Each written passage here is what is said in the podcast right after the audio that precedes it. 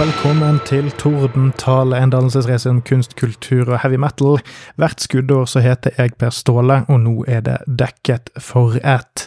Hva er dekket? Hvem vet, egentlig. Eh, jeg dekker ikke så mye, annet enn at jeg kan si at eh, jeg har dekket meg til i et annet studio enn vanlig. Uansett, i dag er det duket eh, i vårt dukestudio for et kontroversielt album, om vi skal si det på den måten. Ukens tema er jo Man War sitt åttende studioalbum, A Louder Than Hell, som kom ut i 1996. Og eh, dette er jo subserien min om Man War sine plater i kronologisk rekkefølge. Så for de av dere som kommer litt seint inn, så kommer dette til å bli en jævlig eh, detaljert episode, relativt sett, til hva vi er vant med her i huset.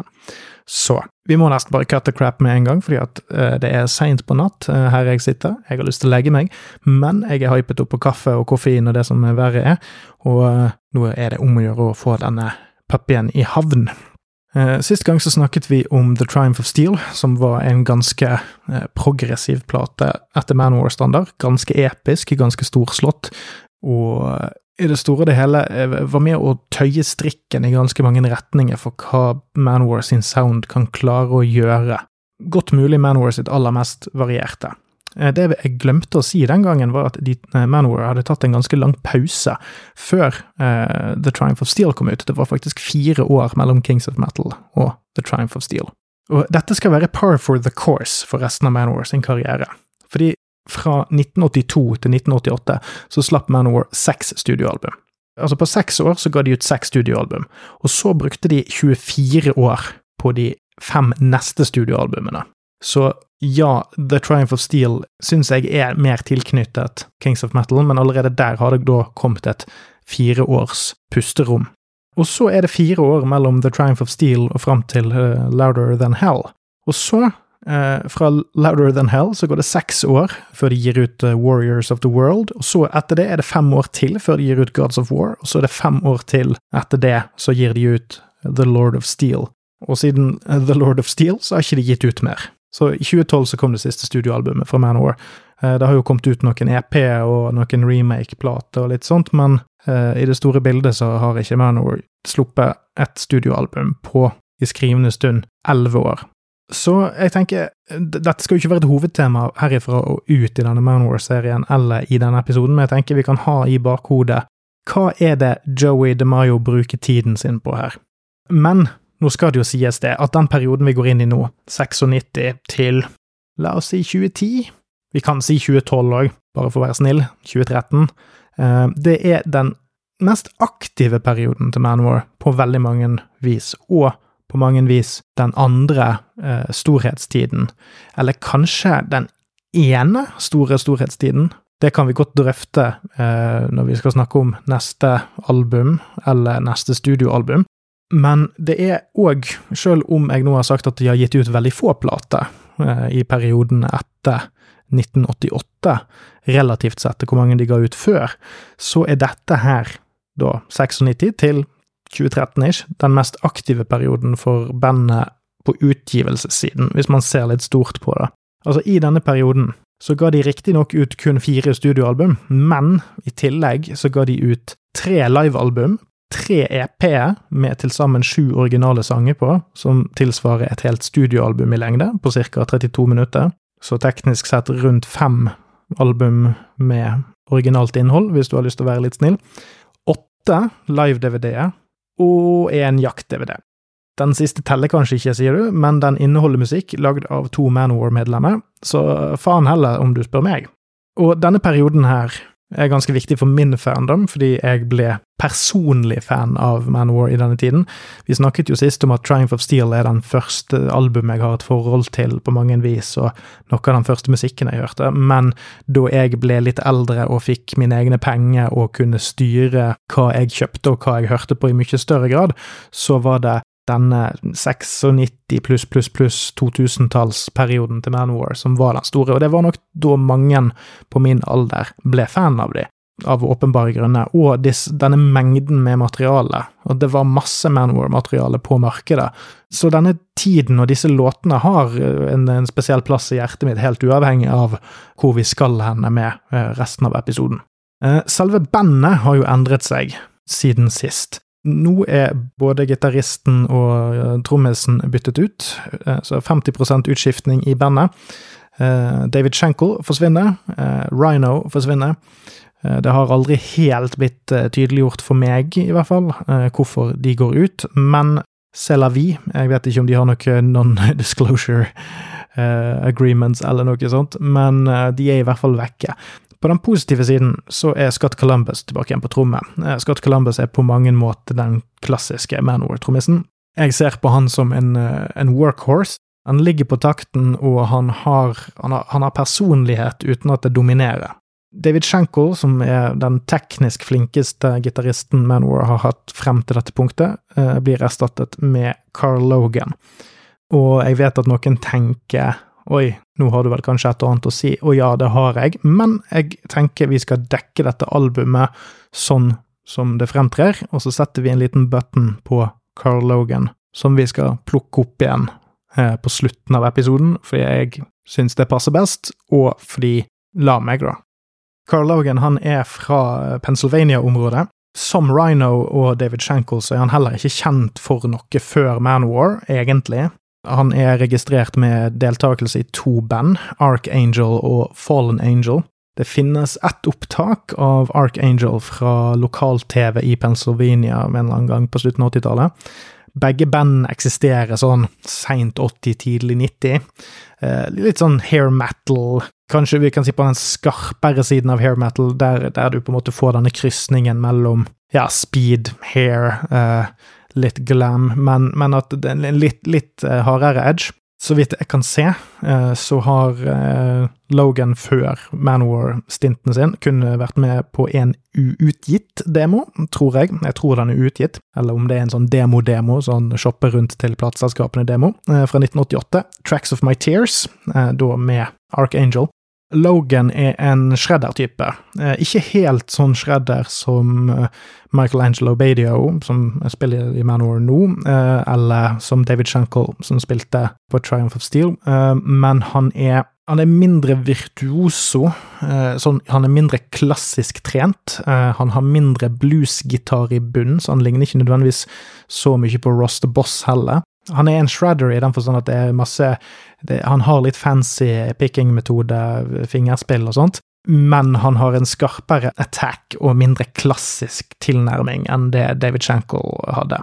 Han er muligens teknisk svakere i teorien, men han har en mer aggressiv og fremoverlent tone, så det er sånn noe gitt og noe tapt her.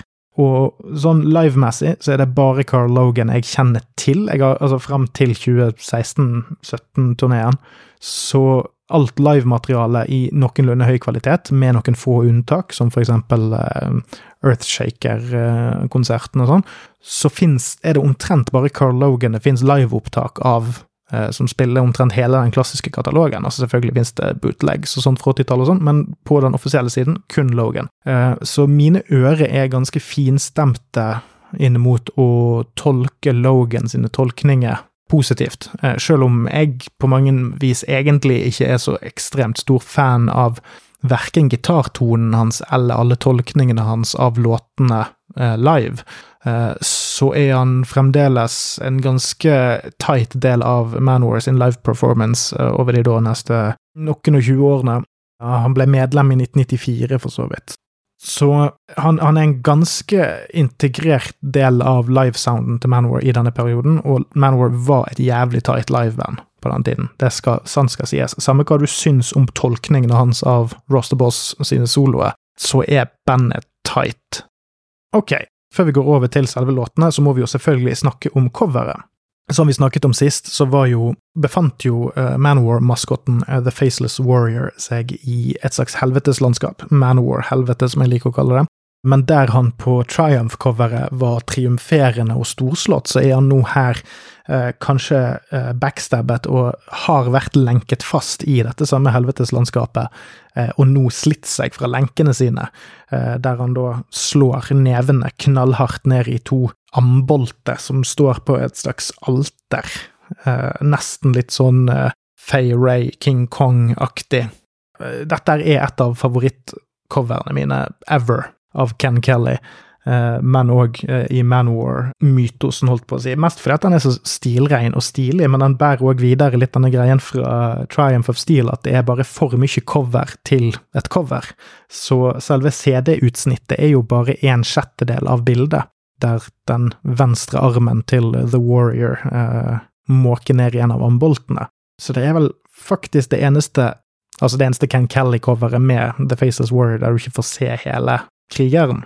Eh, men hvis du bretter ut bukletten, så får du en fin liten plakat, akkurat sånn som Triumph, eh, og på den eh, ganske så out of print LP-en som ble trykt opp, så får du òg hele bildet, men siden det er i sånn ikke A4-format, men nesten 4-3-format, så er det med svarte bokser på sidene, nesten litt som å se en gammel film. Eh, men det som er interessant med dette coveret, er at den faktisk utvider mytosen en smule. For at som vanlig, som eh, i hvert fall har vært tilfellet på de to forrige albumcoverene, så ser du at Faceless Warrior han står og på mange måter beskytter The Crown and The Ring, disse riksregaliene til The Kingdom of Steel. Det er i hvert fall min tolkning.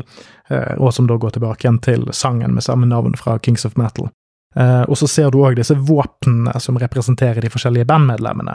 Uh, Sign of the Hammer, hammeren. Uh, den Spiked Club, som nevnes i Warriors Prayer. En Battle Axe, som òg nevnes i samme spoken word-parti fra Kings of Metal. og da det tradisjonelle Fogelsverdet, som har vært med på mange av coverene helt siden første albumet Battle Hymns på baksiden der. Eh, og på samme vis så introduseres det nå noen nye elementer her som er eh, litt sånn eh, Led Zeppelin-inspirert. Det er egentlig ikke den første gangen de introduseres, det var egentlig på Secrets of Steel-bokssettet fra 1993, men det er da noen symboler som òg da, på samme vis som disse våpnene, eh, representerer de forskjellige instrumentene og altså medlemmene av Manowar, da. Ikke nødvendigvis ett konkret medlem, men det eh, våpnene eller symbolet de eh, trakterer. Jeg vet at, tre, at firkant Altså, det er, det er egentlig nesten en PlayStation-kontroller-oppsett på det. Det er en runding, en firkant og en trekant, og så er det to vertikale streker, litt som når man skriver romertall to eller to i-er. Så hvis du hadde tatt den X-en på PlayStation-kontrolleren og så bare rettet den ut i to, i to, forskjellige streker, så hadde du fått det. Eh, og dette er sånne detaljer som gjør at ting bare vokser og vokser og vokser litt i dette lille pussige universet eh, vi nå har bygd sammen med Manowar i hodene våre, eh, der det introduseres litt og litt og litt og litt og litt og litt etter hvert, og så ser vi at det blir liksom et bilde av det, eh, selv om vi aldri helt får konteksten til alt. Det er aldri sånn at Joey har gått ut og sagt hva alle disse tingene betyr. Eh, to andre elementer som er med her, forresten, er det at her ser vi at um, The Faceless Warrior har på seg lenke i sånne bracelets rundt armen, men han har slitt seg løs fra disse. Og dette er da en tatovering som Joey DeMaio får omtrent altså en eller annen gang tidlig 90-tall.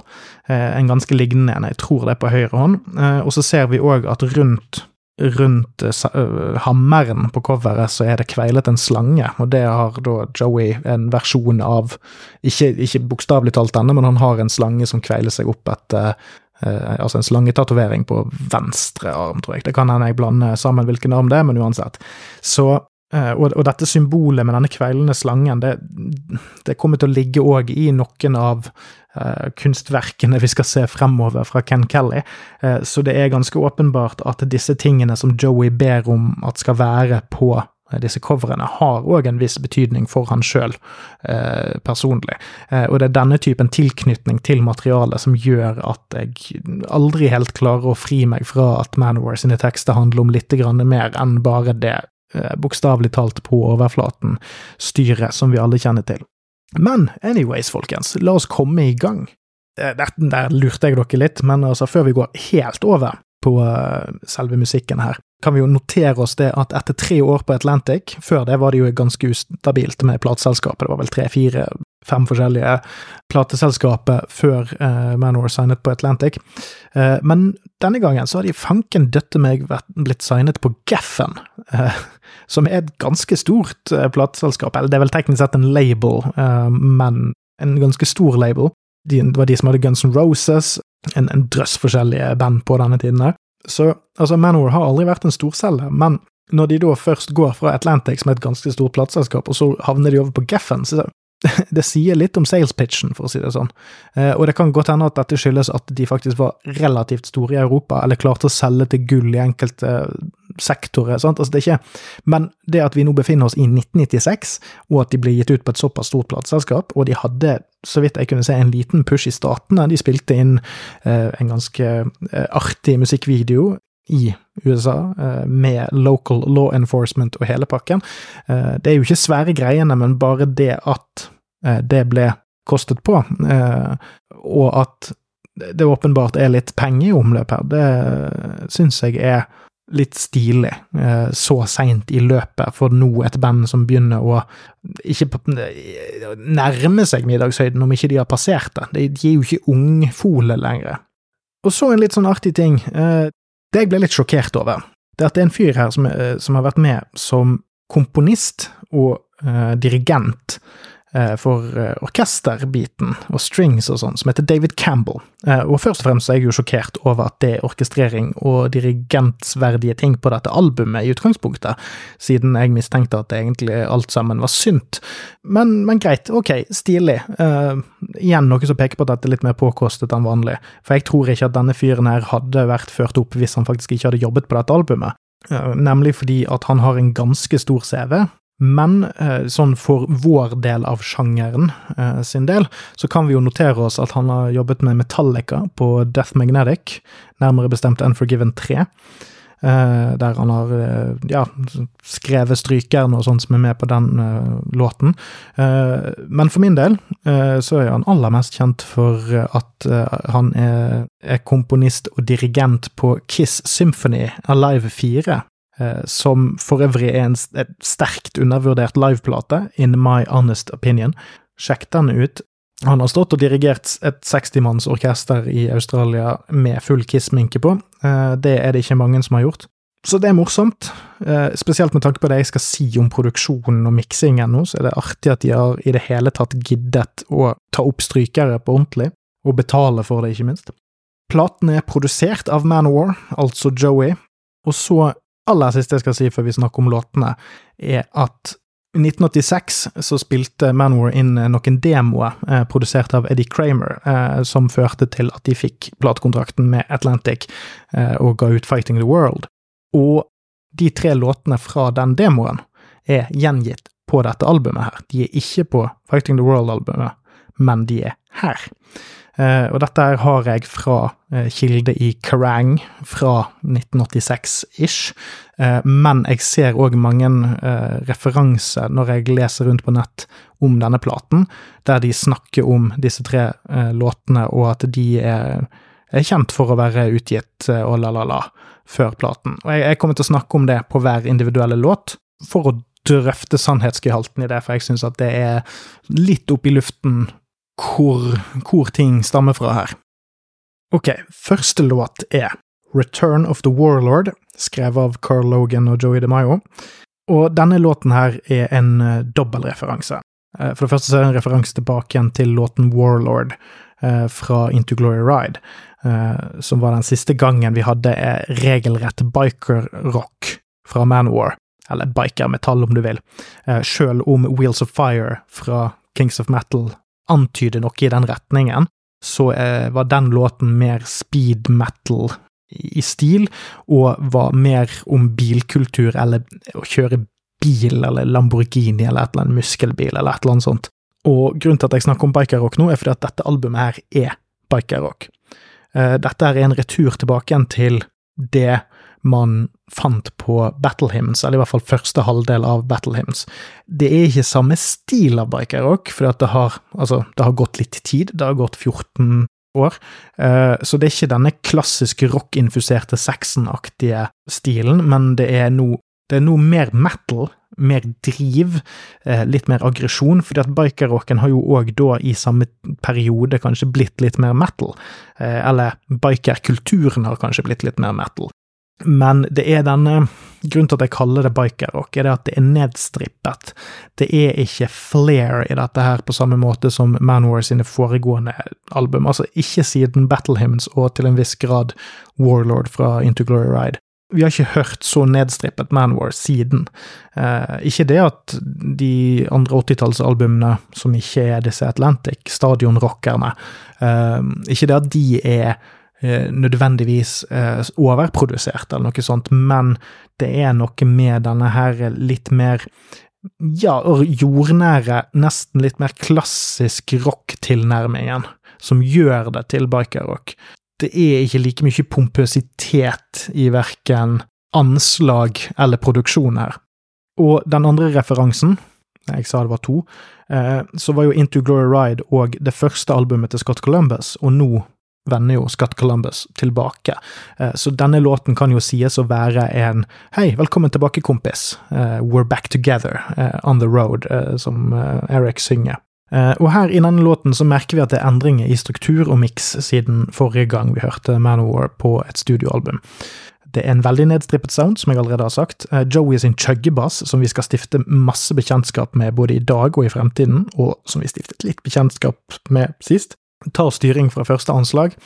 Det er rimelig basic tromme, med litt fills her og der, litt lek med symbolene til tider, men ellers er det masse power chords på gitar for å fylle inn lydbildet.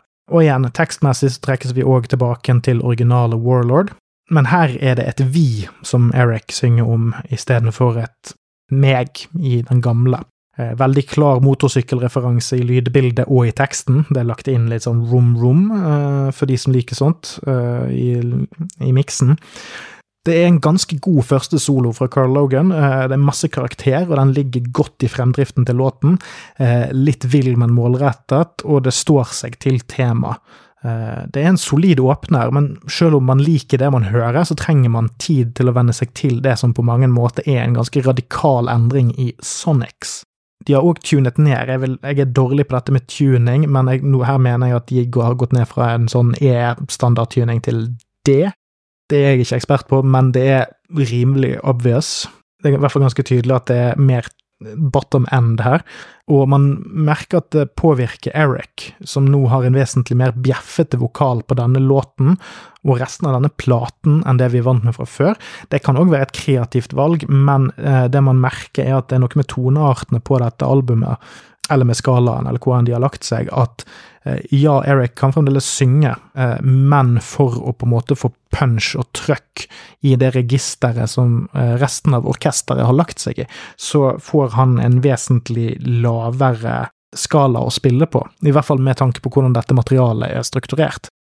Ja, og, og tekstmessig, sant, altså det er, er rett og slett bare fuck off, jeg er meg, jeg skal kjøre motorsykkel. Jeg syns det jo for så vidt er litt morsomt at uh, Eric synger at han, han, måtte slå ned læreren sin. Had to punch my teacher out, now he's chilled. I might stay in school or die in prison, either way it's my decision. One more beer and heavy metal and I'm just fine. Så altså, enten så er han en 16-åring, og det er litt morsomt, uh, eller så er han en 46-åring som ikke er ferdig på high ennå. Jeg liker bildene Joey greier å mane i hodet mitt sammen med Eric. Og det er sånn, her, her merker man òg at altså, tekstene har kanskje tatt et lite steg ned på dette albumet. Ikke nødvendigvis noe jeg misliker så jævlig, eh, men her, um, i større grad enn før, eh, så krever det en viss innlevelse i delivery, eh, mer enn det har vært tidligere. Eh, her begynner vi å bevege oss inn mot ikke bare power chords, men uh, power phrases, eller kraftfrase. Men altså, we'll do just what we feel, riding horses made of steel, we're here to burn up the night. Ja, det er en ganske fin avslutning, det, altså. Så lenge man driter litt i hva andre syns. Da er vi over på låt nummer to, som da er Brothers of Metal Part One. Og da kan vi egentlig begynne med å si det, det er to ting jeg har lyst til å si før vi snakker om selve låten, og det er det at Brothers of Metal Part 1 er starten på det eh, som eh, jeg vil kalle Joey DeMaio sin evigvarende del XYZ, som aldri følges opp. Meg bekjent så er det kun Hell on Earth 1, 2, 3, 4, 5, altså DVD-ene, som greier å følge opp dette her med parts eh, 1, 2, 3, 4 og, og så videre. For eksempel så har Manowar gitt ut en bildebok som heter Blood of the Kings, volume 1. De har òg gitt ut en EP som heter Final Battle 1. Det ble en gang lovet at eh, Gods of War var den første i en serie av konseptalbum om forskjellige krigsguder fra forskjellige mytologier. Det ble aldri fulgt opp. Etter det så var det noe som het The Asgard Saga, som egentlig skulle være en, et konseptalbum eh, om Thor, eh, som òg skulle være et sånn multimediaprosjekt med en film og en bok og bla, bla, bla. Den boken kom ut, albumet kom aldri ut, men det kom ut en EP eh, som het Thunder in the Sky, som på en måte skulle være starten på det albumet, men så ble det bare det det konseptet ble. Det ble aldri fullført så har vi ganske nylig uh, Highlights from uh, the, uh, the, Revenge of Odysseus, som kom ut i 2022 og allerede er skrotet, til fordel for et studioalbum som visstnok spilles inn nå, i våre dager. Hvem vet? Jeg har blitt brent før, for å si det sånn, men poenget mitt var i hvert fall, i denne sullete ranten min, at Joey og Manowar har en tendens til å begynne på ting, som ikke alltid fullføres, og dette her er den første gangen jeg biter meg merke i at, at de er veldig glad i å si del én, men ikke så forbanna glad i å si del to. Uh, en annen ting er at denne låten her, den finnes i en genuin demoversjon som du kan finne på YouTube, uh, som av en eller annen pussig grunn uh, har blitt sluppet på radio. Du kan høre at det klippet er fra radioen, uh, men jeg, jeg, har aldri hørt helt hva kanal det er, eller noe sånt, når du hører en sånn radio-DJ introdusere låten sånn halvveis. Noe som er pussig, for jeg skjønner ikke hvem som lekker sånt til radioen, og hvilken radiostasjon som ville vært interessert i det i 1986, men det kan jo godt hende at det er Kanskje det er en lokalstasjon på østkysten i Statene som Joey stilte opp og ville vise frem hva de hadde, hvem vet. Men i demoversjonen, altså den her ble spilt inn opprinnelig i 1986, eh, og den demoen så ligner den mye mer på Fighting the World-æraen av Manor enn det den er på denne platen. Men det som er stilig med denne demoen, er at den er i en slags mellomposisjon. Det er en rimelig radikal forskjell eh, her, eh, og den kan brukes, denne demoen kan brukes som en slags sånn test på og, Altså, den er splitt i midten på to konkrete æraer den har gjenklang eh, fra Sign of the Hammer på attack og tone i, i, i gitarene, men den har Fighting the World og Kings of Metal-arena-tilnærming på selve komposisjonen. Og så blir denne da igjen nytolket på 90-tallet. Du kan bruke den som et slags barometer på de ulike sedimentærlagene til Manowar, og, og høre hva de konkrete eraene hvordan de skiller seg fra hverandre. Eh, og det er òg en dritkul solo fra Ross the Boss uh, du kan høre på den versjonen. En ekstra liten interessant ditty er at jeg vil si at skriket fra slutten av demoen høres veldig ut som det skriket som brukes på slutten av Metal Warriors. Jeg skal aldri prøve å gjengi Eric sin skriking, men det, det, er en melodi som går sånn da, da, da, da, da, da, da mens refrenget drives mot slutten og sånn. Så han går, på repeat, og det er jeg nesten sikker på kommer fra tagningen her. Eventuelt at uh, Joey forelsket seg i akkurat den melodien og fikk Eric til å spille inn en ny versjon i 91-ish. Anyways, over til selve låten, da. Det er en sang om Manwar og metal og brorskapet uh, som man kan finne der. Det er en fin liten ditty om liksom broderskapet du finner i å digge metal og, og liksom henge ut med kompiser. Uh, høre på metal og like metal. Uh, masse standard Manowar call and response uh, chant gående her. Spesielt på, um, på, spørsmålet som Eric serverer. And if we all were not brothers of metal, would we fall? Det er jo, det er jo en sokratisk vending av dimensjonene. Og så, når han spør Would we fall? Så får vi jo selvfølgelig en chant tilbake. No! Dette passer jo perfekt til livespilling, vet du. Her går vi òg inn i en sånn halvreligiøsitet, sant, og vi nevner igjen uh, dette med kongeriket. Uh, We cast our lot together, for still stand as one. Det er jo en referanse til selve Manowar. Here we'll remain forever, igjen en referanse til ja, Kings of Metal, altså det, vi kommer aldri til å gi oss, uh, helt tilbake til Manowar-låten Born to Live Forevermore. Manowar gir seg aldri, og så Till Our Kingdoms Fall. Sant? Kingdoms, altså enten i flertall eller ikke, om det er det individuelle kongeriket i ditt eget hjerte, altså Manowar sin individuelle hjerte, um, eller om det er dette Kingdom of Steel som de på mange måter metaforisk uh, resider, uh, bor i når de synger om disse sakene her. Uh, og så er det jo òg en, en religiøsitet i enkelte deler av enkelte deler av tekstene, for eksempel Let us drink to the power, drink to the sound, thunder and metal are shaking the ground. Altså, det her Drink to the power, drink to the sound. Altså, det er jo ikke det at det å skåle og drikke for noe i seg sjøl er religiøst, men det at på en måte styrken i denne musikken nesten setter deg i en sånn uh, langbordssetting der man skal på en måte skylle denne musikken i dette kollektivet du, du, henger med, altså disse brødrene av metall som du enten er på konsert med, eller som du hører på denne musikken med på Eh, hjemme i stuen nå, snakker jeg. Sant? Altså det er, grunnen til at jeg trekker dette fram, er jo det at jeg har allerede nevnt denne nedstrippede sounden, og det er da interessant å se at selv om Manwar da har endret sound fra det som jeg vil kalle nesten en peak soundmessig, til noe som er ganske langt fra dette episke som de virkelig er kjent for, så beholder de fremdeles denne mytosen i tekstene sine, og de kommer til å fremelske det mye mer herifra og ut òg. Og det, er en ganske stor forskjell. Den er ganske omorkestrert fra 1986-demoen.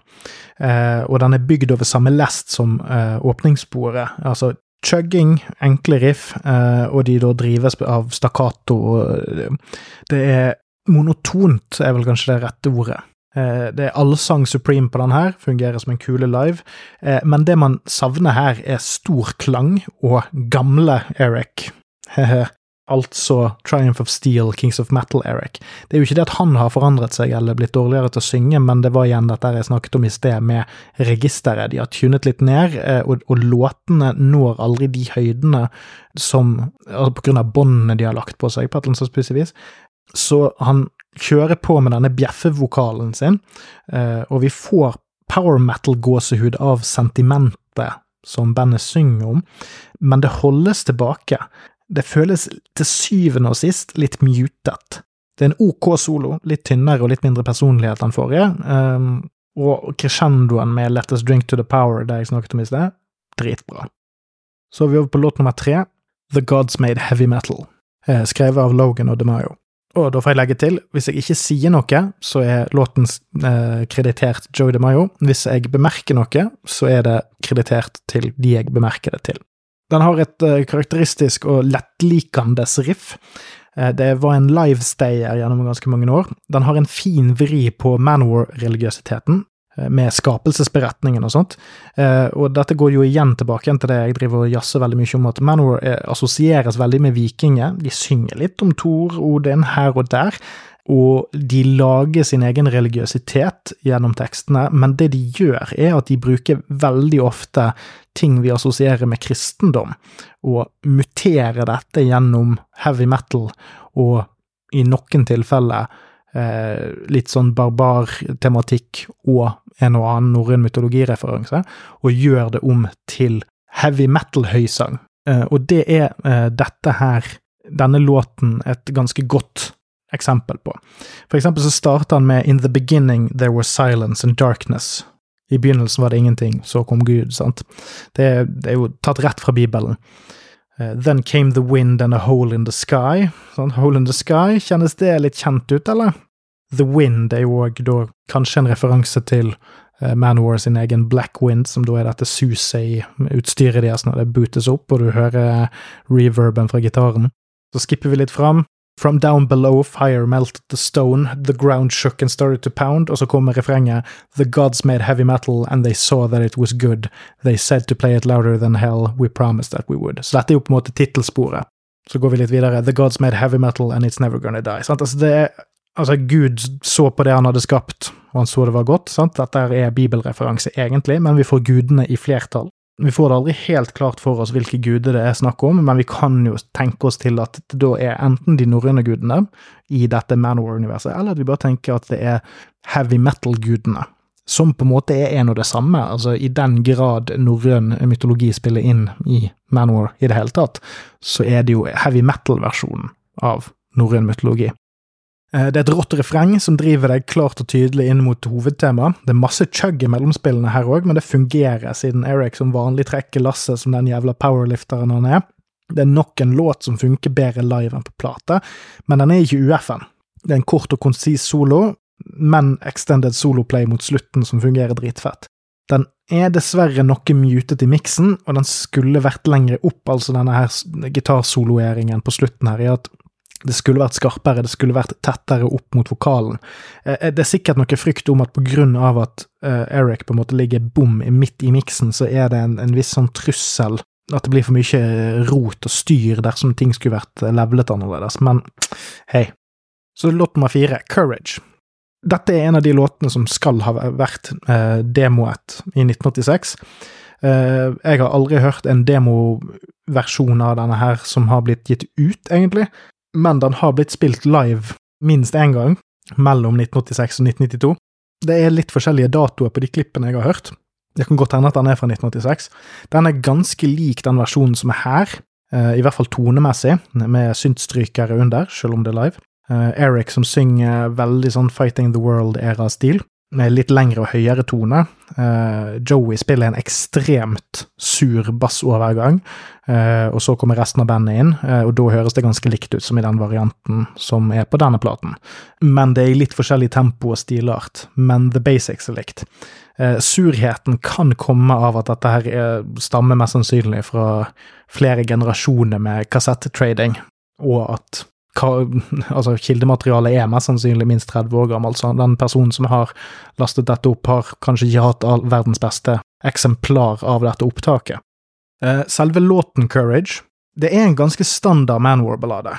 Eh, egentlig så er det gullstandarden for det jeg liker å kalle dårligere enn Heart of Steel slash Master of the Wind-balladene, som det blir en del av herifra og ut i karrieren. Altså, det er langt ifra dårlig, men det er definitivt låter som bæres på ryggen til Eric Adams og ikke har så enormt mye mer å by på utover det, verken på tekstfronten eller i musisering. Tekstmessig så kan vi Altså, det er sant, han heter Courage. Har du hørt tittelen, så har du hørt teksten. Og i, i det store bildet så er det uh, moralsk sett en, en, litt mer cheesy versjon av Heart of Steel. Den har ikke like mye uh, poesi i seg. Uh, den har ikke så mye um, god bildebruk. Det er mye hands held high, fly, rim, riming og sånt. Den er helt ok, men, men her Disse middelmådige Manor-balladene bærer preg av at de går litt på tomgang i, i bildebruken. Sånn at ja, det er Eric som må på en måte bære det, og et problem her er at denne låten her skriker òg etter større produksjon, mer romklang, enn det eh, albumet har å by på. Det er en rolig pianointro med Eric alene, og så kommer strykerne inn, og ja, nå som jeg vet om Campbell og sånn, så kan jeg høre at noe av det kanskje ordentlige strykere. Det er for eksempel en cello som stikker hodet innom, og så forsvinner ekstremt fort. Og, det, og grunnen til at jeg sliter med dette, er fordi at igjen, det er begravd i miksen. Og så kommer det kor og kirke og orgel inn. Eh, fortsetter trenden fra Kings of Metal og Triumph of Steel med da spesifikt orgelbruk. En nesten Rosterboss-esk solo, eh, som kanskje ikke er så rart. Det har kanskje blitt hentet litt inspirasjon fra eh, forskjellige takes eh, på demostadiet. Koring kommer inn her. Eh, denne Manowar-koringen, som jeg tror er synt. Eh, den ligger lenger opp i miksen, eh, men orgelet og strykerne burde vært vesentlig, vesentlig høyere. Spesielt orgel. altså sånn, Skal du først bruke kirkeorgel, da kan du ikke drive og, og, og gjemme det. Du kan gjemme et jævla kirkeorgel under sengen, liksom. Nei, nei, nei, skal du spille kirkeorgel, skal du faen meg blåse det opp. sant? Altså Enten skal det være pompøst, eller så skal det ikke være der i det hele tatt. Og orgel er kun i høyre kanal av en eller annen pussig grunn. Eh, men det kommer tydelig fram mot slutten av låten, der volumet skrus opp, men da er det too little too late. Altså, enten går du whole hog, eller så driter du i det, Joey. Altså, det, det jeg, jeg, kunne tenkt meg å ha hørt hele dette albumet her remixet og remastret. Uh, dessverre kommer vi aldri til å få det, siden det er Geffen som eier det, uh, og dette var jo en av de platene som var tilgjengelig på, en av de få platene som var tilgjengelig på Spotify, uh, før Manowar til slutt bestemte seg for å slippe alt de har rettighetene på sjøl, på Spotify òg. Så det er ingen grunn til å tro at Joey kommer til å samarbeide med Geffen-folkene for å få til noe på den fronten, og jeg tror ikke han er spesielt interessert i det heller. Låt nummer fem, Number One, en treningssang hva faen, Joey, jeg er her for øl, puling og metal, ikke for fysisk fostring. Det er en helt ok låt. Eh, det er en sang om å vinne, eh, bygge seg opp, eh, pumpe jernet og, nå målet sitt. Sikkert inspirert av en eller annen runde Joey har hatt på gymmen, forhåpentligvis alene. Det er en helt ok låt, men her begynner denne formelen med power chords og chug-riffing virkelig å bli repetiv på de hardere låtene. Nedslagene halvveis i refrengene er skikkelig tøffe. Der er det ganske mye kule overdubs og sånt, men dette her er en Når du først har hørt de første harde låtene på dette albumet, så er denne her mer av det samme, og formelen begynner å overstay its welcome. Eh, jeg har aldri hørt demoversjonen av denne her, eh, og jeg vet Altså, jeg tror det er en myte at denne eksisterer i demoform, i hvert fall i den forstand at jeg, jeg, hører alltid at folk driver Eller når jeg leser om denne demoen eller om dette albumet, så antyder folk at denne her At noen har hørt denne demoen, men det har jeg aldri hørt. Jeg har aldri Jeg har ikke sett noen spor etter et sted der det er en kilde på at denne demoen eksisterer ute i det fri. Jeg mistenker at den enten er veldig godt gjemt bort sammen med Courage-demoen, Eh, eller at det er et navn som Joey kokte i hop og likte veldig godt og beholdt det, eh, og brukte på en ny låt. For den her, her kan ikke jeg høre noe tilknytning til 80-tallet, men det kunne jeg nesten ikke heller på Brothers of Metal-innspillingen her. Eh, så ja, det kan hende denne fins, men det er ingen grunn til å anta at noen har hørt det heller, så vidt jeg har greid å grave opp. Ok, låt nummer seks, Outlaw av Logan og DeMayo. Her girer de opp tempo og skifter igjen tematikk. Dette er den første skikkelige uptempo-låten. Altså, det handler rett og slett om å være en revolvermann i det ville vesten.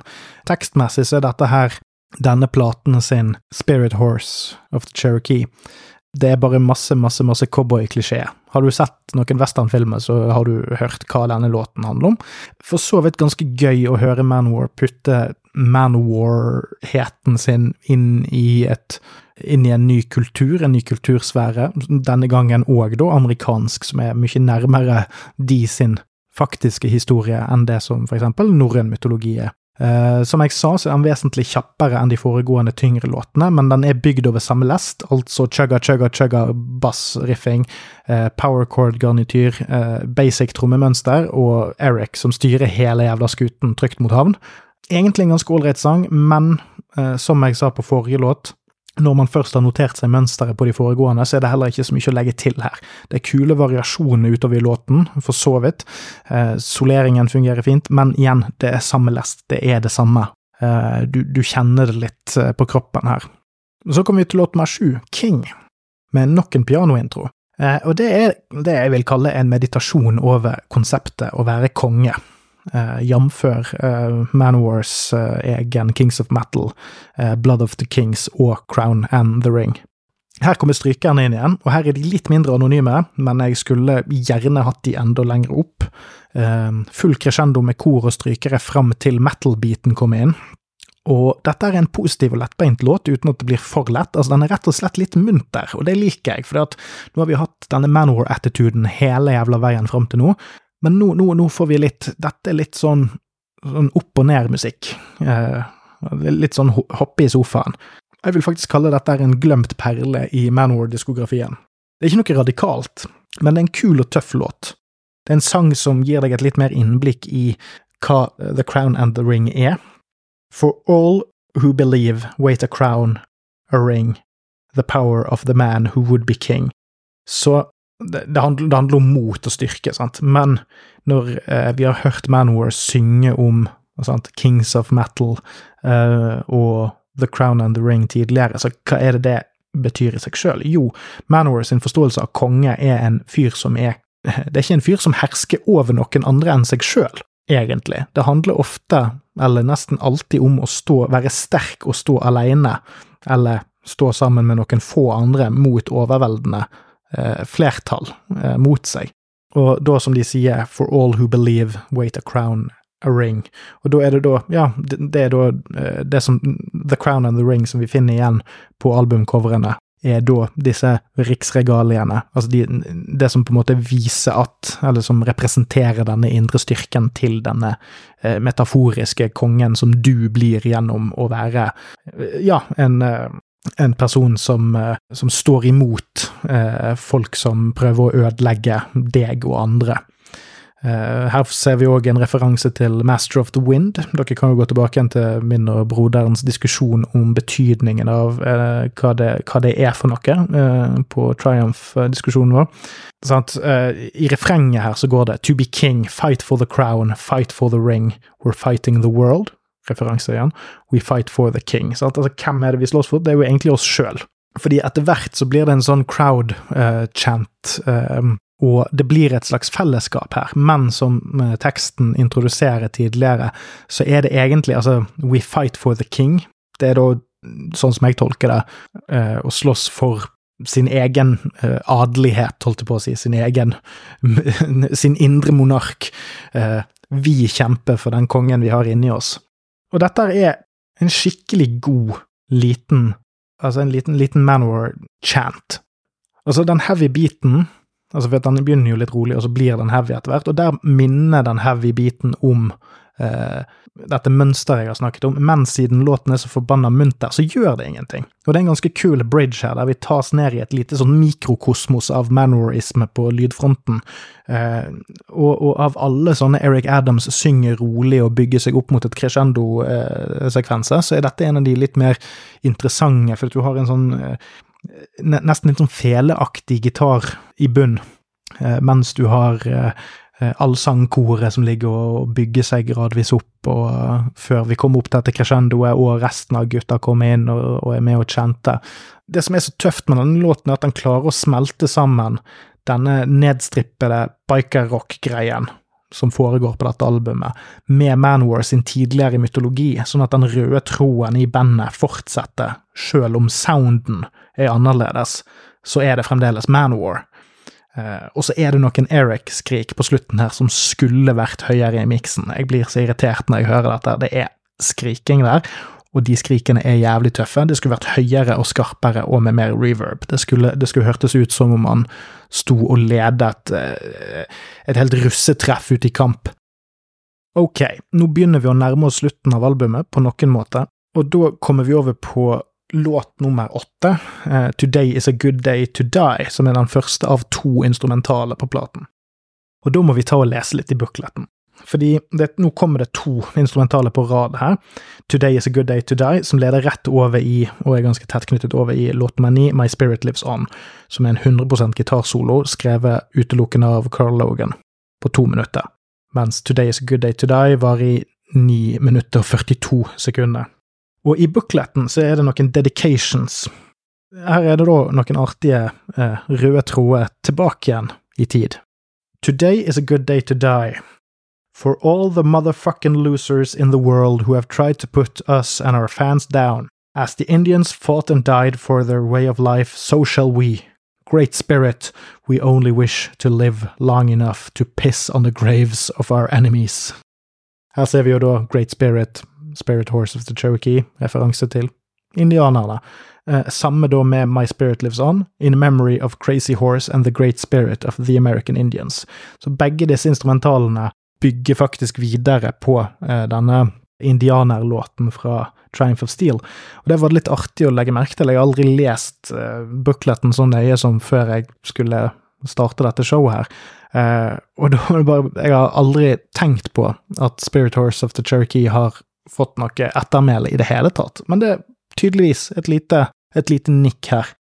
Og det som er litt interessant med Today is a good day to die, er at det er en av mine mest skippede Manowar-låter noensinne. Det er en langdryg, atmosfærisk og episk instrumental. Eric dukker ikke opp, det er Manor sin lengste låt. Og jeg har jo hatt et agg mot instrumentalet i hele denne serien her. Og det som slår meg når jeg hører nå, er at jeg liker dette her og jeg liker det kjempegodt. Altså, tankene går tilbake igjen til Bridge of Death på enkelte sekvenser her, med trommeanslag og riff mot siste halvdel. Og noen steder så hører jeg nesten kliss likt fløytespill som i Master of the Wind. Eh, det kommer inn orgel og koring for å dytte oss litt mer inn i det religiøse Manor-universet. Sologitarspillet her er ganske lekkert òg, og det forteller en historie.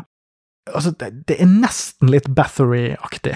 Nesten ironisk nok. Altså, det er jo ikke det at det er i nærheten av denne langdryge vikingmetallmeditasjonene som Bathory driver med, men det er nok det nærmeste Manor har kommet å lage noe som ligner på det jeg tror Quarthon ble inspirert til å lage da han hørte på Manor. Og det er jo ikke sånn at dette er en sånn steinkald, undervurdert klassiker, eller noe sånt, men det er sånn når du først lager en instrumental, så er dette en knallsterk en. Nå når jeg nå har blitt klar over hvor mye jeg liker denne, så kommer jeg neppe til å skippe den igjen. Det er litt pussig.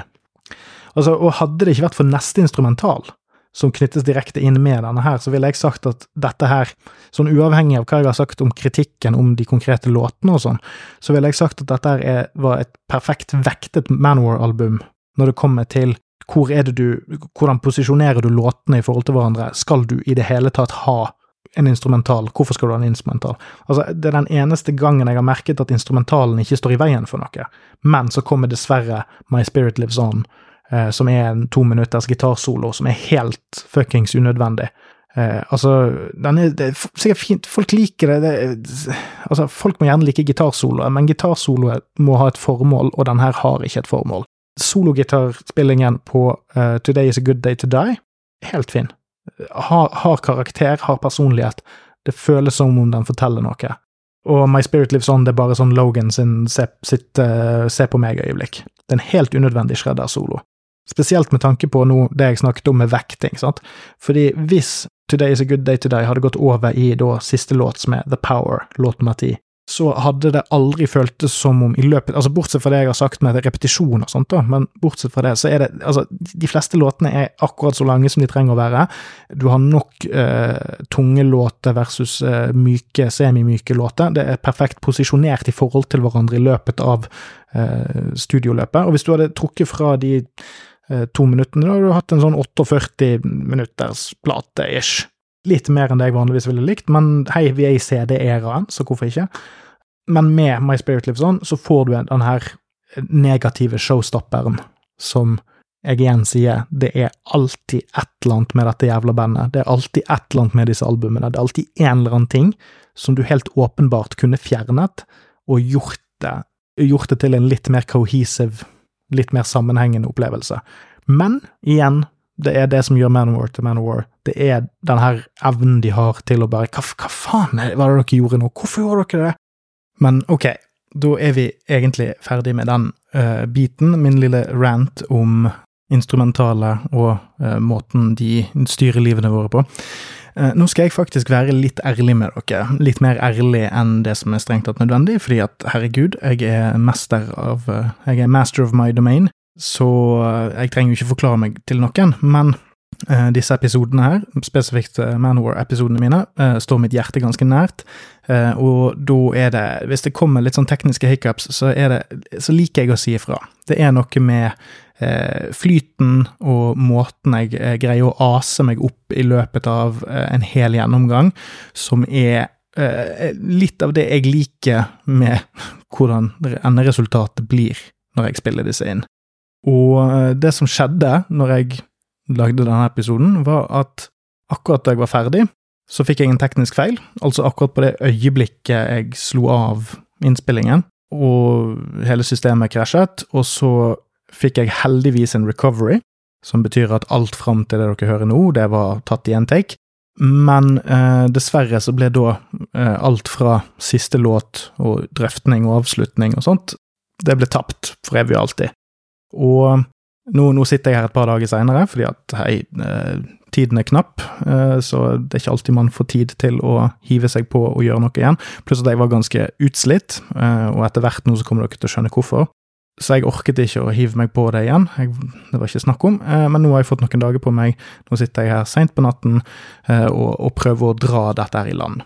Og En annen grunn til at jeg nevner dette, er det at når man spiller ting inn i en take, så bygger man litt på sine egne resonnement underveis, altså ting som man ikke har tenkt på før. Det er òg en av de grunnene til at jeg liker uh, å ikke overplanlegge altfor mye, la uh, tankene gå der de går. Uh, og det kan hende at nå glipper litt, fordi at jeg har ikke orket å sette meg ned og høre på alt, så nå bare prøver jeg så godt jeg kan å la min indre metalhead og man warrior ta styringen herfra ut. Og så ser vi hvor vi havner henne. Men vi har uansett kommet til låt nummer ti, The Power. Og mine damer og herrer, her er han. Her er den låten jeg har lengtet etter gjennom hele dette albumet. For misforstå meg rett, jeg har hørt mye på dette albumet i min tid, men fytt i helvete, låt nummer ti, The Power. Dette er en glemt klassiker. Altså, jeg har snakket mye om hvordan ting er litt monotont og repetitivt på dette albumet her, mens dette her, dette er Manwar sin painkiller, og det er platen sin største standout. Altså, her snakker vi bolle. Altså, bakemester Harepus har lagd eh, pepperkake eh, helt opp til uh, møne. Her ligger all kreativiteten som jeg føler mangler på brorparten av de andre låtene, som jeg finner helt adekvate, det er ikke det, men her, her er det uh, i gitarspill. Her er det kreativitet i Joe DeMayo sine bassbrekk. Bassgitarmelodien som kicker off låten, er unik. Eh, og riffingen har noen ekstremt energiske trefninger mellom gitarsporene.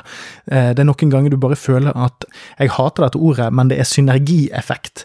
Eh, man kan ha litt sånn basic power chords-riffing her og der, men ting flyter inn i hverandre og ut av hverandre her på en helt perfekt måte. og Noen ganger så blir det rett og slett en ganske teknisk krevende eh, gitarriff. Eh, ikke nødvendigvis i den forstand at de er nødvendigvis sånn at en, en rimelig kompetent gitarist ikke vil klare det, men det er rett og slett noe med timingen som er uhyre viktig eh, for å få eh, ting til å sitte skikkelig med denne låten, fordi at den er så aggressiv og det er, det er 12 000 km i timen beint i trynet på deg. Så når disse litt mer kreative flaresene kommer inn, så merker du at de, de er ikke der for å brife, de er der for å hause deg enda mer opp. Det er for eksempel en del power recording mens Eric synger, men det gir òg masse plass til å verdsette den eneste maktprestasjonen hans på denne platen her. Fordi, som vi har vært inne på flere steder tidligere, så eh, har Eric lagt bånd på seg på denne platen. Sikkert litt på grunn av materialet, at materialet eh, har vært mer jordnært, eh, vært mer i denne biker-metall-tradisjonen. Eh, men her altså, Han har lagt bånd på seg, men her sliter han seg og går amok. Uh, han er hissig som faen, han bjeffer, han ler, han skriker, og så inn i helvete gøy det er å høre på denne låten her. Den er dritbra. Det er kule basstoner som vrenges inn og ut, uh, og kompet som ligger under soloen, driver selve soloen høyere og gjør den mer frenetisk. Eh, og, det er på denne, denne, låten her at vi får platens beste solo òg. Den, den, den, har karakter. Den er i sangen på en helt egen måte, som ikke eh, dukker opp like mye på andre steder på platen, og kanskje ikke engang alltid på alle andre bedre Manowar-plater. Eh, jeg snakker ofte litt om gitarsoloer og sånt, mest fordi jeg føler at det er en det er en del av heavy metalens karakter, men det er langt ifra alltid at altså Selv om jeg snakker om de spesifikt på eh, disse Manowar-episodene, så er ikke det alltid nødvendigvis at det er den viktigste delen av sangen for meg, men jeg syns at det er, en, en, det er et viktig element, selv om det ikke alltid er like nært mitt hjerte. Eh, jeg, jeg kan høre på låter som jeg hovedsakelig elsker pga. riffet, eller hovedsakelig elsker pga. Av, av vokalmelodien eller leveringen. Men dette er tilfellet der soloen sitter den, den hever eh, låten. Og, sant, og, så kommer det inn litt koring i brekket før siste crescendo. Sant? Du, får, du får liksom trukket det jeg liker veldig godt. Du får, du får, en følelse av at her kommer alle de beste aspektene av platen til sin rette mot slutten her. Altså, Refrenget sparker så mye ræv at det blir overtid på eh, proktologavdelingen på eh, Rikshospitalet. Det, det er så inn i helvete tøft. Dessverre, det, eneste jeg har å utsi på han, sånn utover det jeg allerede har nevnt med den generelle produksjonen på platen, så er det, er det et altfor mutet skrik etter uh, bridgen. Der, der, hører du Eric uh, har et sånt backup-skrik. Det er jo ofte sånn at han er layered, uh, eller at han uh, forsvinner litt ut, og så ligger han på en måte og hyler i bakgrunnen som en del av orkesteret istedenfor oppe i midten, og det er helt greit. Det er jo en, en type kreativitet med hvordan du, du legger lag i studioet og, og på hele komposisjonen, så det er helt i orden. Men her igjen virker det som om de har skrudd ned eh, noen av de aller største Manowar-ismene på produksjonssiden. Kanskje fordi at Ja, tidsånden, bla, bla, bla. Eh, og det er synd og en skam, for denne låten her er så inn i helvete sterk. Eh, jeg vil holde den høyt oppe på oldtimer eh, Manowar-låtsamlingen. Eh, ikke nødvendigvis på den ikke nødvendigvis på den på, uh, mytologiske siden med at teksten er så utrolig givende, eller noe sånt, men den tilhører definitivt uh, maktprestasjonskategorien uh, i diskografien deres. Og sånn generelt så vil jeg si at det òg er den låten som, som, manifesterer platecoveret på best mulig måte. For nå, nå befinner vi oss i dette Manowar-helvetet igjen. Eh, det, det, handler om, å, om å, å, dø og leve igjen fordi at du har makten inni deg. sant? Eh, dette er jo da egentlig her, her snakkes det jo ikke så mye om metal, men det er the power makten i mørket, eh, makten i magien, makten i, i, i, i, helvete, rett og slett. Fordi eh, en av linjene er jo for eksempel uh, The power of the magic, the power of the spell, not to serve in heaven, but one day rule in hell. Eh, det er denne her eh, positiviteten i negativitet som jeg liker generelt med, med, med metal. Altså denne her eh, litt sånn opps, denne, denne oppsternasige opposisjonen. Altså, Lemmy sa en gang at, at rock var, var, meningsløst opprør, og det er det syns jeg denne typen sanger klarer å fange veldig godt. Dette med å bruke alle elementene av negativitet som vi assosierer i vårt kristne samfunn, for eksempel, som helvete, for eksempel. Uh, ikke uh, not serve in heaven, but one day rule in hell. Sant? Altså dette med å bruke negativitet som uh, noe befriende. Dette er jo ting som Anton Lavey skrev en hel tullete satanisk bibel om. Og så en referanse tilbake igjen til The Triumph of Steel. This power is greater than love and of hate. Is this the power of will and of fate? The power to kill, the power to feel, the power of blood. The Triumph of Steel. Dette er jo òg tekster som på en måte kan mane fram litt andre assosiasjoner, men uh, det er hovedsakelig Manwar sin egen, uh, sitt eget styrkende negative aggresjonsunivers vi lener oss på her. Og det det er, på en måte det bildet som man får i hodet når man hører teksten, man hører leveringen, man hører aggresjonen, så er det dette coveret med denne Faceless Warrior som har slitt seg fra lenkene sine, som slår med all sin makt ned på det som holder han fast, eh, og nekter å la seg kue. Eh, og det er denne låten her i et nøtteskall. Jeg nevnte jo dette med at dette er på et, en veldig stor label på et tidspunkt der denne labelen hadde rimelig mye innflytelse, og jeg, det er igjen alltid noe litt meta og litt kult og nærmest fantastisk med å bare avslutte en plate under de premissene der på en sånn måte som dette. Det er en statement, eh, og det er òg det er òg en beskjed, altså en statement både til hvem enn som skulle plukke denne platen opp og, og tro at uh, de skulle få noe annet, men det er òg en statement til de av oss som har sittet og hørt på dette og tenkt sånn hei, hva er det som har skjedd med sounden til Manowar? Så er det dette, dette er statementen som forteller til oss som har vært litt skeptiske, hei, vi er her, hør på dette her, dette er fremdeles top notch, dette er fremdeles blant det beste av det beste. Og så er det jo siste verset Siste verset har jo kanskje tidenes mest A-tale Manowar-linje noensinne, så jeg skal bare avslutte denne diskusjonen med en, en slampoesi-kveld på blå resitering av den her. Kill all those who stand against you, look into their eyes, drink their blood and laugh as they pay for all their lies. Piss upon their graves, then cast the final spell, fly into the night, and one day meet in hell. Det henger jo ikke engang på greip.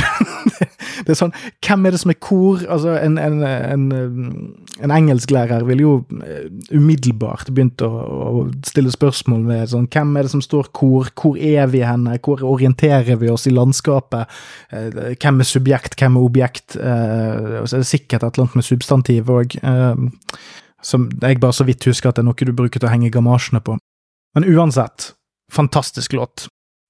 Og da, med det så går vi over til oppsummeringen av selve platen. Eh, hva, hva har vi lært i dag, folkens?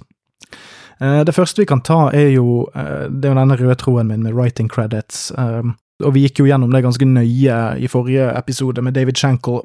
Og nå er det Det er tre låter uh, som Logan er co-writer på, og det er Return of the Warlord, The Gods Made Heavy Metal og Outlaw. Og så har han òg uh, soul credit på My Spirit Lives On, men det er jo bare en gitarsolo, så det skulle jo bare mangle. Igjen så vil jeg jo si det at altså uh, Her gir, gir, jo Joey igjen uh, en del spillerom til sin nye uh, gitarist, med at han blir såpass frontet på disse instrumentallåtene. Og at han har ganske greit med credits her, sammenlignet med f.eks. hva Ross the Boss hadde på de par siste platene han var med på. Men når vi ser stort på det, så er det en, en drastisk endring her fra hva låtene Logan er kreditert på, versus de som Shankle var kreditert på. Fordi for eh, Shankle på Triumph of Steel.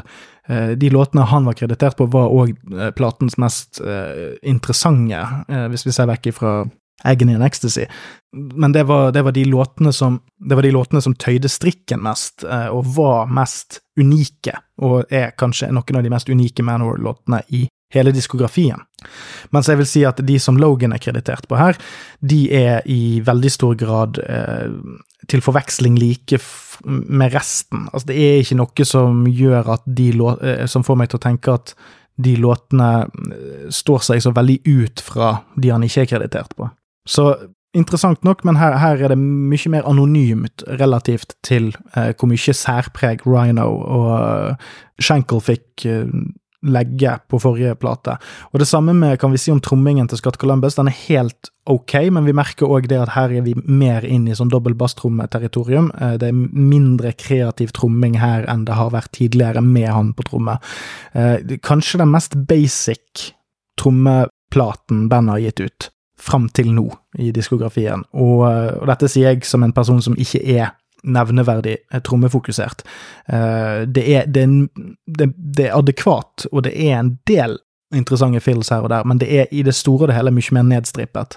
Og nedstrippet er jo nøkkelordet her, fordi hele denne platen her, dette er Jeg satt og tenkte på det.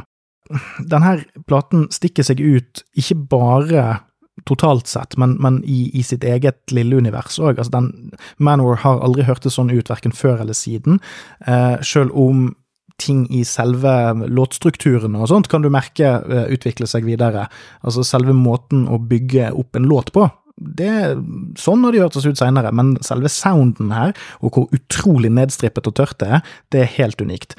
Og jeg tenker dette er Manwar sin ACDC-plate, på godt og vondt. Altså, den har mer enn nok trøkk i produksjonen til å være en god rock metal-plate, men som jeg har nevnt mange ganger nå, det den faktisk mangler for å være en suveren Manor-plate sonisk sett, det er mer klang eh, og, og, skarphet, ikke minst. Dette, dette, er et veldig lite skarpt album når det kommer til for eksempel gitartone og altså Den følelsen man skal gjerne ha på et godt metal-album, at du kjenner på et eller annet tidspunkt at det kommer en kniv gjennom og bare lage en sånn Zorro-sett uh, gjennom ditt indre uh, teaterteppe, eller hva faen. Jeg, jeg strøk i metaforet, men er litt, alt er litt mutet her. Og spesifikt Eric, uh, som jeg har nevnt flere ganger. Men, men når, jeg, når, jeg si, når, jeg, har sagt det Altså, det er da noe med denne Det kan hende at det til og med ikke er selve innspillingen det er noe problem med, men da eh, miksingen og mastringen. Eh, og det funker jævlig fett egentlig som, sånt, som en isolert plate. Helt kurant kick, men det er ikke Sjøl når disse låtene her fenger på sitt beste, med unntak av for eksempel The Power, så fenger de ikke helt på den der fantastiske Manowar-måten. Eh, så, så den, den, lider av denne gjennomgående nedstrippede og tørre produksjonen. Eh, og så, og så, er det vektingen av bass og gitar og en smule pussigere her enn den er både før og seinere. Uh, Bassen er veldig tydelig i venstre kanal, og gitar veldig tydelig i høyre. Og det er effektivt når man lytter i et rom. Eh, hvis du altså, sitter og setter det på anlegget og blaster det høyt, så er ikke det så merkbart. Men, men du har, som, som, de fleste av oss, eh, vi, vi, lytter jo stort sett musikk på headset. Eh, den, den, store gemene hop lytter jo 90% av tiden med headset. Og da blir det veldig tydelig, og, de, og, det kan være en smule distraherende hvis du henger deg opp i det, som jeg har en tendens til å gjøre. Så sånn summa summarum, så syns jeg på den ene siden at det er jævlig kult at Manwar tross alt har vært så kompromissløse. Altså, dette er i 1996, det samme år som Metallica slapp Load, Marilyn Manson var ute med Antichrist Superstar, Korn slapp uh, Life Is Preachy, grunchen ruler fremdeles, og new metal begynner å, å ta form. Så, så, så, det kan jeg respektere, og, og, på den måten så er ikke dette et sell-out-album på den måten jeg syns Fighting the World var. Eh, som, som, var mye mer se på oss, vi kan òg være litt tilgjengelige, eh, enn det dette her er. Eh, dette her er mer et, et indre kompromiss enn det er et kompromiss overfor et ønske om å havne på radio, eller noe sånt. Men på den andre siden så hører du at en del låter skriker etter større romklang, og flere Eric-skrik, høyere i miksen, og mer sound i veggene. Altså, den kontante bikerrock-stilen, den fungerer, men det er òg et steg ned, og noen steg tilbake fra det jeg vil kalle er høyderen uh, The Triumph of Steel, som er Det er arguably Triumph og Kings of Metal er toppen av det jeg vil kalle produksjonshierarkiet uh, med Manowar-plater. Og her, her, her motarbeides det. Og jeg har jo vært inne på det her med hvordan Joey skriver låter. Jeg tror dette skal bli enda mer tydeligere jo lenger fram i diskografien vi kommer. Eh, og det som er merkbart her, er at her tar Joey mye, mye, mye mer kontroll over alle aspekter, versus Triumph of Steel, som jeg vil faktisk si er en mer genuin bandplate. Eh, men her, her, merker vi at um, det virker som om mye av dette materialet kommer hovedsakelig fra Joey, og det er bygd på en, en viss effektiv, uh, well proven, men uh, repetiv uh, lest. Som Han kommer seg ut av dette her, men kanskje ikke helt på den måten som enkelte vil tro. Men han, kom, han kommer seg ut av dette her seinere og gjør mer kreative ting, men denne stilen her kommer til å, å gi gjenklang fremover. Og alt i alt så dette er et album som kniver om nest nederste plass på min all time Manwar-listing sammen med The Lord of Steel og Fighting the World. Eh, akkurat nå så er jeg litt usikker, men jeg, jeg lurer på om jeg holder den sånn akkurat i dag, rett over Fighting the World, eh, mens uh, The Lord of Steel er soleklart nederst, noe jeg tror den vil være for all tid. Eh, men vi skal gå mer inn på Lord of Steel når den tid kommer, uh, og så skal jeg òg si at når jeg rangerer det på den måten, så sier det mer om hvor mye jeg liker Manowar enn at denne platen er dårlig. Uh, I den forstand at jeg har hørt både Fighting the World og den her i fillebiter, og jeg liker de veldig godt.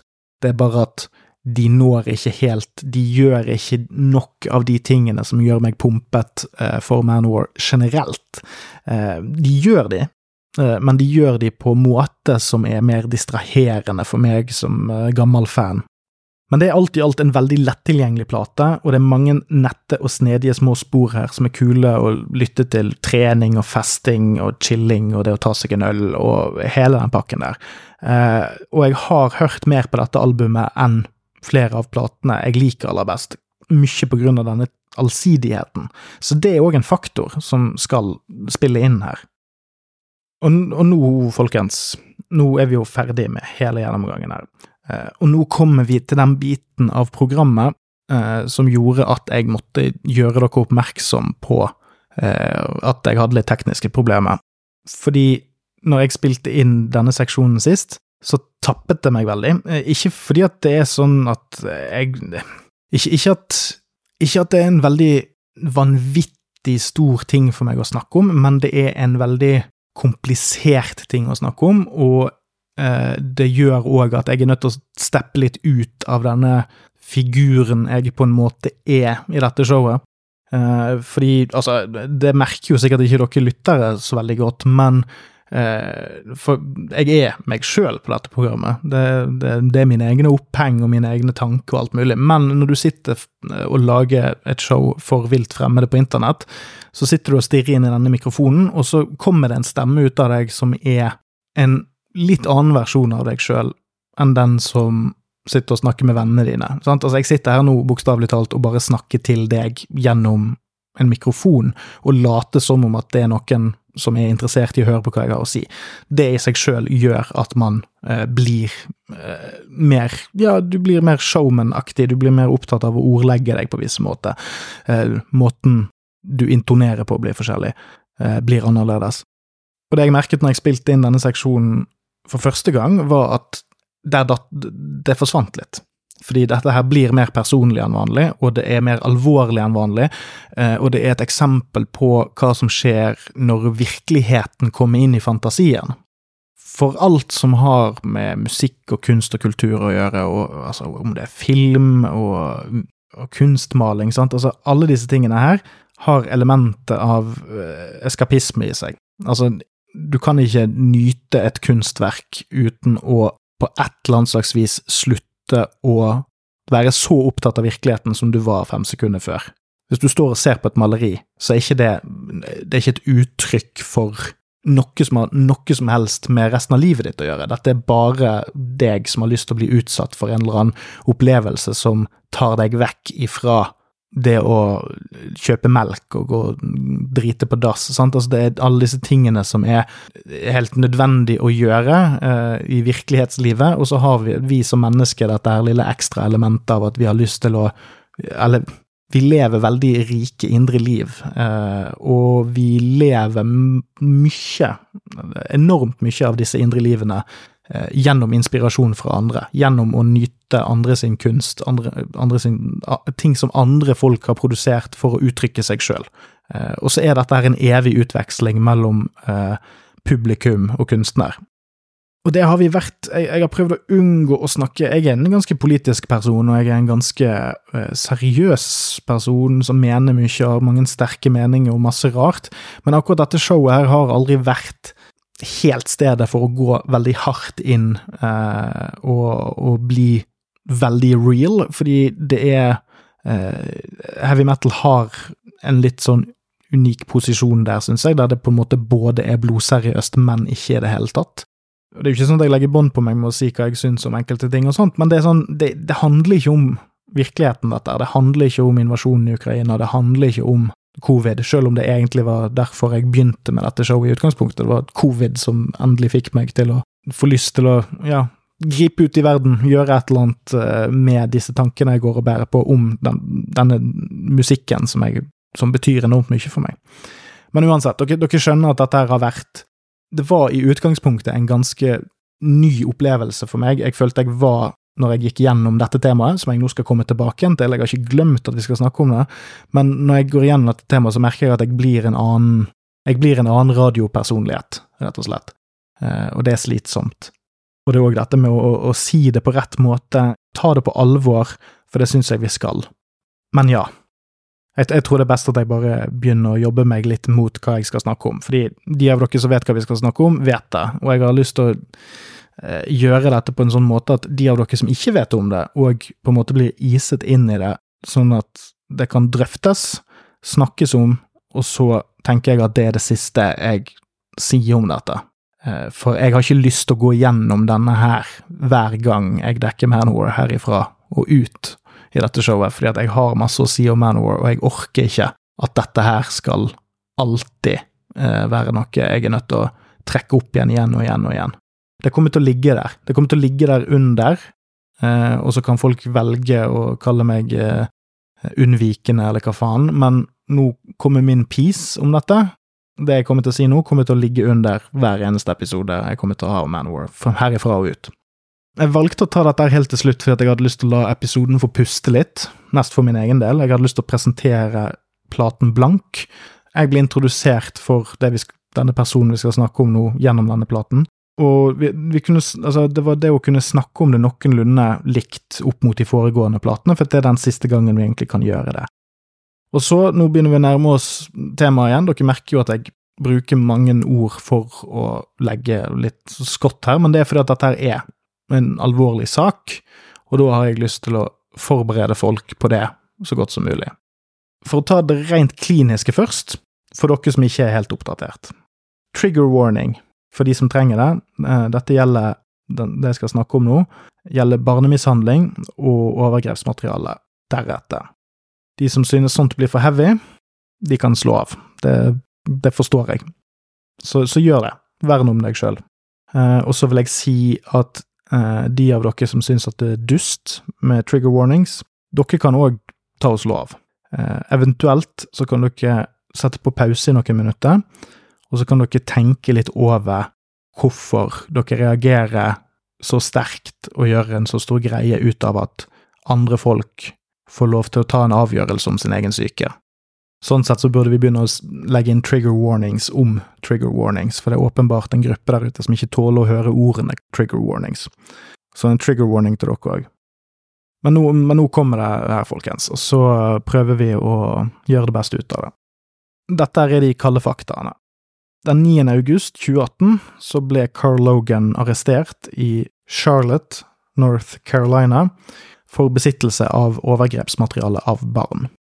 Jeg skal ikke gå inn i detaljene, for de er stygge, men det var grovt materiale.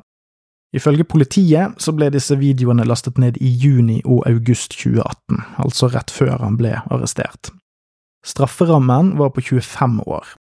Logan innrømmet all skyld, samarbeidet med politiet og ble i juli 2022 dømt til fem og et halvt års fengsel, som han nå soner. Og det er de kalde faktaene som ligger på bordet her. Og og dette finnes det jo ingen unnskyldninger for, og jeg skal ikke forsvare Carl Logan her. Eh, men som dere har merket innledningsvis, så syns jeg at jeg må sette av litt tid til å snakke om hva er det som skjer når en artist gjør noe sånt, og hva er det det betyr eh, for de av oss som er investert i denne virkelighetsflukten som kunst og kultur er. Og jeg syns ikke den Jeg har ikke noen sånne kjempeenkle svar. Uh, og jeg tror ikke noen egentlig har et kjempeenkelt svar på dette her men jeg har lyst til å tenke litt høyt rundt den. Uh, jeg har brukt masse tid på Manwar, både før og etter at dette skjedde, uh, og i 2018 så slo denne saken ned som en knyttneve i mellomgulvet på meg. Um, jeg husker fremdeles hvordan det var å scrolle gjennom Blabbermouth, helt sånn tilfeldig, jeg gjør det sånn en gang om dagen, uh, og så så jeg mugshoten av Logan, og jeg, jeg kunne se ut ifra det bildet, før jeg leste overskriften, så skjønte jeg at her er det noe rivruskende galt. Uh, han ble arrestert i august, men nyheten sprakk ikke på nett før rundt 25. oktober. Uh, og Manwar kastet han sporenstreks ut av bandet. Uh, ikke sånn med harde ordelag, men jeg, de skrev kort og kontant. With regard to Carl Logans arrest and the charges against him, due to the fact that Carl and his attorneys are dealing with these issues, he will not perform with Manowar. The new album and upcoming tour will not be affected. Vi har jo ennå ikke fått et nytt album, da, men det tror jeg er mer på Joey enn noe annet. Og i etterpåklokskapens lys så kan jeg ikke se hvordan man skulle taklet dette her på en annen måte fra bandet sin side. Dette er et veldig, veldig stigmatiserende felt, ikke bare for gjerningsmannen, men alle rundt. Altså, dette er en type kriminalitet som med rette skaper og fremprovoserer store følelser i folk, og det er veldig forståelig. Og det å være assosiert med en som er assosiert med, gir òg eh, stygge ringvirkninger. Eh, og det var pedovitsing i månedsvis på nett, om ikke årevis. Eh, det ser ut til å ha roet seg litt, noe jeg syns er bra.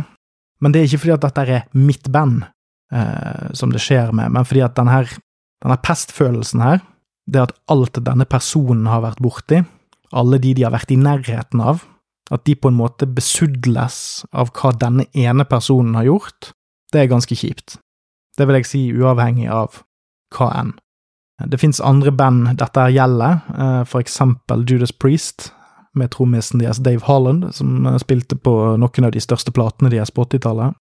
Og da blir det et sånt spørsmål, hvor mye skal dette påvirke hva jeg tenker om dette bandet? Og med det så tenker jeg Altså, jeg har sagt flere ganger at dette er første og siste gang jeg kommer til å gå ned i det, litt fordi det er mye. Men jeg, jeg, det er òg det at jeg syns ikke denne mannen her skal få ødelegge mer enn det han strengt tatt allerede har. For jeg har jo vært igjennom dette her, sant, altså jeg har snakket mye helt fra starten av, jeg har vært veldig opptatt av writing credits i denne serien her. Hvem er det som har lagd hva? Hvem er eh, Manowar? Hvem er det som bidrar? Hvem er det som løfter bandet? Hvem er det som er med å, å drive Hvem er drivkraften her? Hva er det hvem er det som kommer med de tingene som gjør Manowar til Manowar?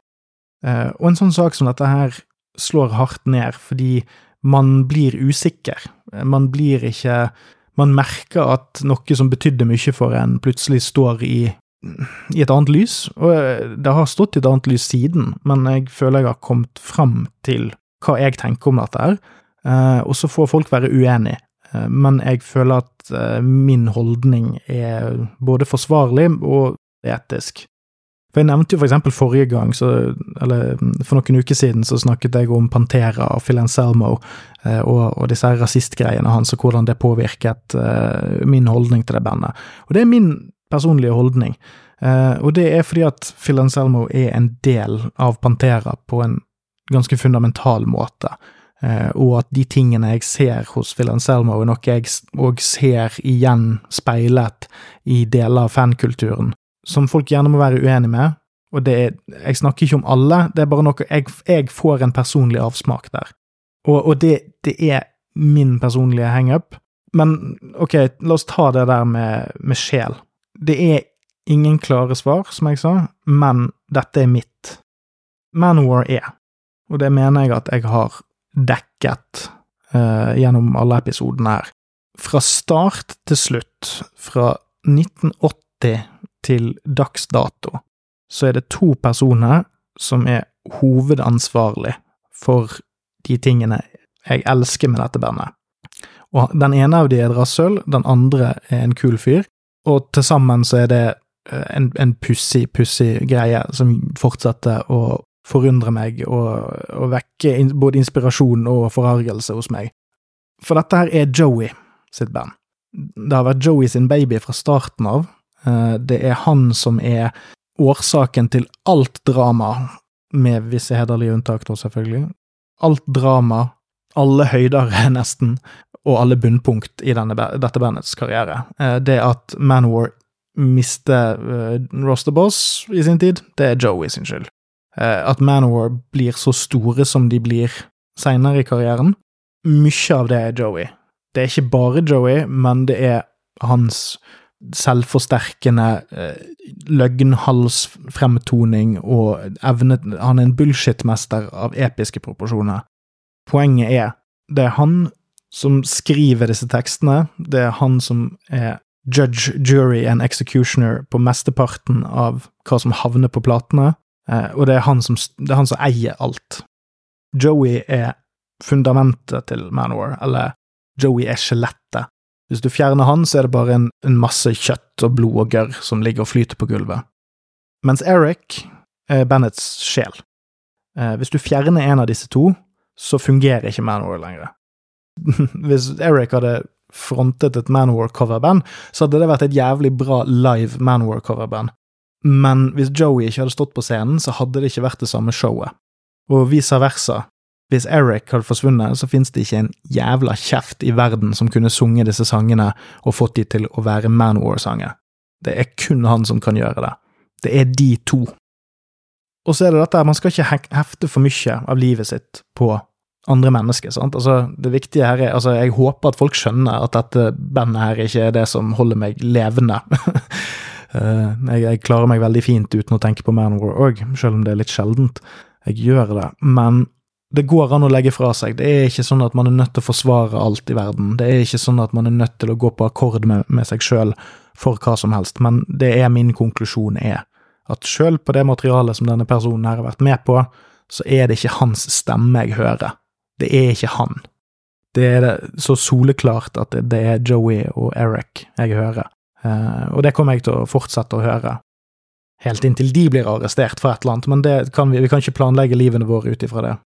Så vet du hva, det, det finnes en million ulike måter det går an å angripe denne problemstillingen på, som er mer akademisk, som er mer eh, kanskje filosofisk vektet, eh, som òg er en av grunnene til at jeg har brukt en god del tid på å unngå å snakke om det, nesten, fordi jeg føler at det er så mange måter man kan gjøre det på, jeg synes, og jeg vet ikke om det jeg gjorde nå, var den beste versjonen av hva jeg kunne gjort eh, eller sagt, men akkurat nå så føles det som det er den mest fornuftige. Eh, det er ikke sånn at man skal Ja, jeg, jeg, tror ikke jeg kan få noe mer ektefølt enn dette her nede på verken papir eller på tape, så dere kan få høre det. Så jeg tror det. Jeg tror det skal være den, den siste, det siste ordet jeg sier uh, om det. Og så skulle jeg egentlig ha noe litt sånn artig jeg skulle si på slutten av episoden og sånn, men man kan ikke det etter dette her. Så det jeg tenker vi sier, er at nå blir det et opphold. Jeg vet ikke helt når det kommer flere episoder. Men det kommer flere episoder i år, men jeg vet ikke hvor mange. Jeg vet ikke hvor lange de blir. Jeg vet ikke Jeg vet nesten ingenting. Det er litt ting som står på på privaten. Men jeg håper at dette her var godt nok til at dere er litt mette en stund. Så håper jeg at jeg har hengt på greip, som jeg liker å si.